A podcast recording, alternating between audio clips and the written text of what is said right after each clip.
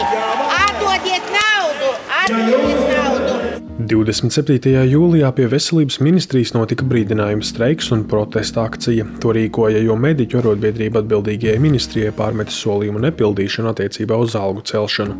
Toreiz bija sapulcējušies pāris simti dalībnieku. Kādu varēs pateikt, kad invalīdi varēs? Atbildiet tieši un skaidri cilvēkiem, kur ir atnākuši, bez demagoģijas. Pagāja tieši divi mēneši, un mediķi atkal bija spiesti iet ielās. 27. un 28. septembrī ārstniecības personas pieteica divu dienu streiku.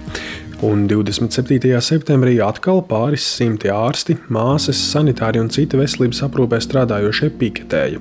Šoreiz gan ne pie ministrijas, bet pie valdības nama. Un visos šajos notikumos klāt stāvējis un piedalījies Rīgas Austrumu Kliniskās Universitātes slimnīcas operāciju bloka vadītājs dr. Pēteris Tomiņš. Viņš ir šo notikumu cilvēks ziņu virsrakstos. Pensionēts ārsts. Pēdējos sešus gadus esmu operāciju bloka vadītājs, un pēdējo vienu gadu vairs anestezioloģiju nepraktizēju. Dr. Pēters Tomiņš ikdienā vada operāciju bloku, bet uzsver, ka mūsdienās medicīnā nekas vairs nav zvaigžņu parāde. Viss ir komandas darbs. Un svarīgi, kā komandas vadītājiem viņam bijis arī piedalīties visos mediķu streikos un piketos. Kaut pats atzīst, tik labi kā dzīvo šobrīd, viņš nav dzīvojis nekad. Vaicāju vairāk, ko dr. Tomiņš domā par streiku un kādēļ pats piedalījies. Redziet, pret streiku man ir tāda divdabīga attieksme. Streiks, protams, ir pārbaudīta metode darba ļaužu cīņā par taisnību no lietu. Bet paši mediķi, es īstenībā nesaprotu, kāpēc, bet paši mediķi pret streikiem izturas ārkārtīgi noraidoši. Un eh, tas, kāpēc es uz to streiku aizgāju, bija doma, ka es varētu pateikt, ko es domāju par medicīnas situāciju Latvijas valstī, un ko es tā sevišķi gribēju novadīt. Latvijas nodokļu maksātāji ir zem sitiena. Un ar katru gadu, ko šī valsts šādi turpina veidot eh, šo tautsēmniecības nozari, tas sitiens Latvijas nodokļu maksātājiem kļūst aizvien smagāks, smagāks un smagāks.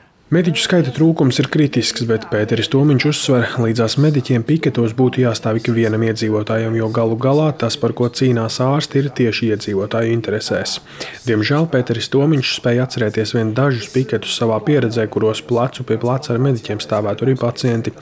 Aizvadītās streika un piketa dienas Pēteris Tomiņš atminas lieliski. Arotbiedrība LVSADA pagrūda, ka man ir jāinformē administrācija, ka es šajā dienā darbā nebūšu. Pilnīgi likumsakarīgi, pareizi. Es gan no rīta biju, un mēs ar virsmāsu izdarījām to, kas ir darāms, jo streiks jau sākās tikai pusdienu laikā. Jā, tā pilnīgi likumsakarīgi uh, vadība ieturēja darba algu, man par to dienu nemaksāja, un, un arotbiedrība man savukārt to dienu kompensēja, viss notika. Nu, tad es devos uz valdības māju. Jā. Es būtu gribējis tur daudz vairāk to streikotnāju. Pēterim Tomiņam nav saprotama lielas daļas kolēģu slinkā attieksme pret iespēju streikot, un tādēļ tas parasti radot vien tādu parunāšanu par problēmu. Tā bijis arī šoreiz. Redziet, manu darbinieku psiholoģija ir apmēram tāda. Man tas piecīti šodien ir svarīgāks par 25 parīt. Un tas ir tas, ko es nesaprotu.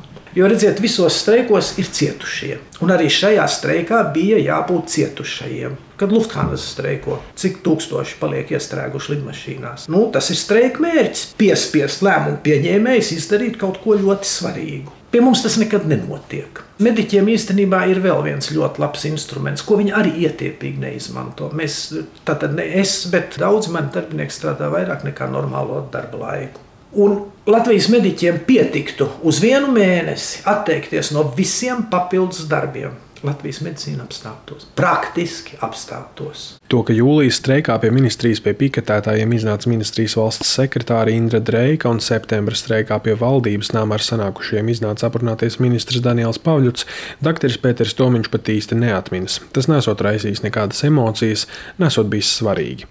Nevienam no viņiem Pēteris Tomiņš glēmojošus vārdus nevelta. Taču bez ārstiem streikot vēl solīja arī skolotāji, pie tam tas notika krietni skaļāk.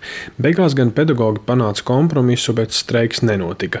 Prasu doktoram Tomiņam, ko viņš domā par skolotāju centieniem uz labākiem darba apstākļiem. Attieksme ir atkal neviennozīmīga. Manā skatījumā nav svarīgākas profesijas šajā pasaulē par skolotāju. Un par to ir attiecīgi jāmaksā. Tātad es esmu par to, ka skolotājiem ir kārtīgi jāmaksā. Ja paskatās uz izglītības sistēmas sasniegtajiem rezultātiem, tad man liekas, ka ir jāmaksā vēl mazāk. Prasu doktoram, kas viņam pašam ir aizvadītā gada galvenie notikumi, publiski vai privāti.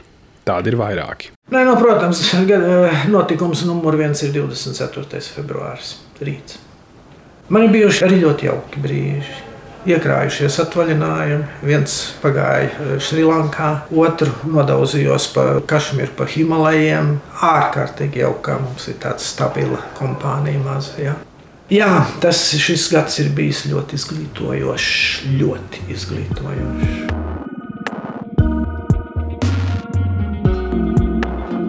Savukārt vaicāts, vai arī jaunā valdība piedzīvos mediķu streiku, Pēters Tomiņš bez tiešas atbildes tomēr liek noprast, ka visticamāk arī jaunais ministru kabinets redzēs mediķus izējām ielās. Kristaps Feldmanis, Latvijas radio.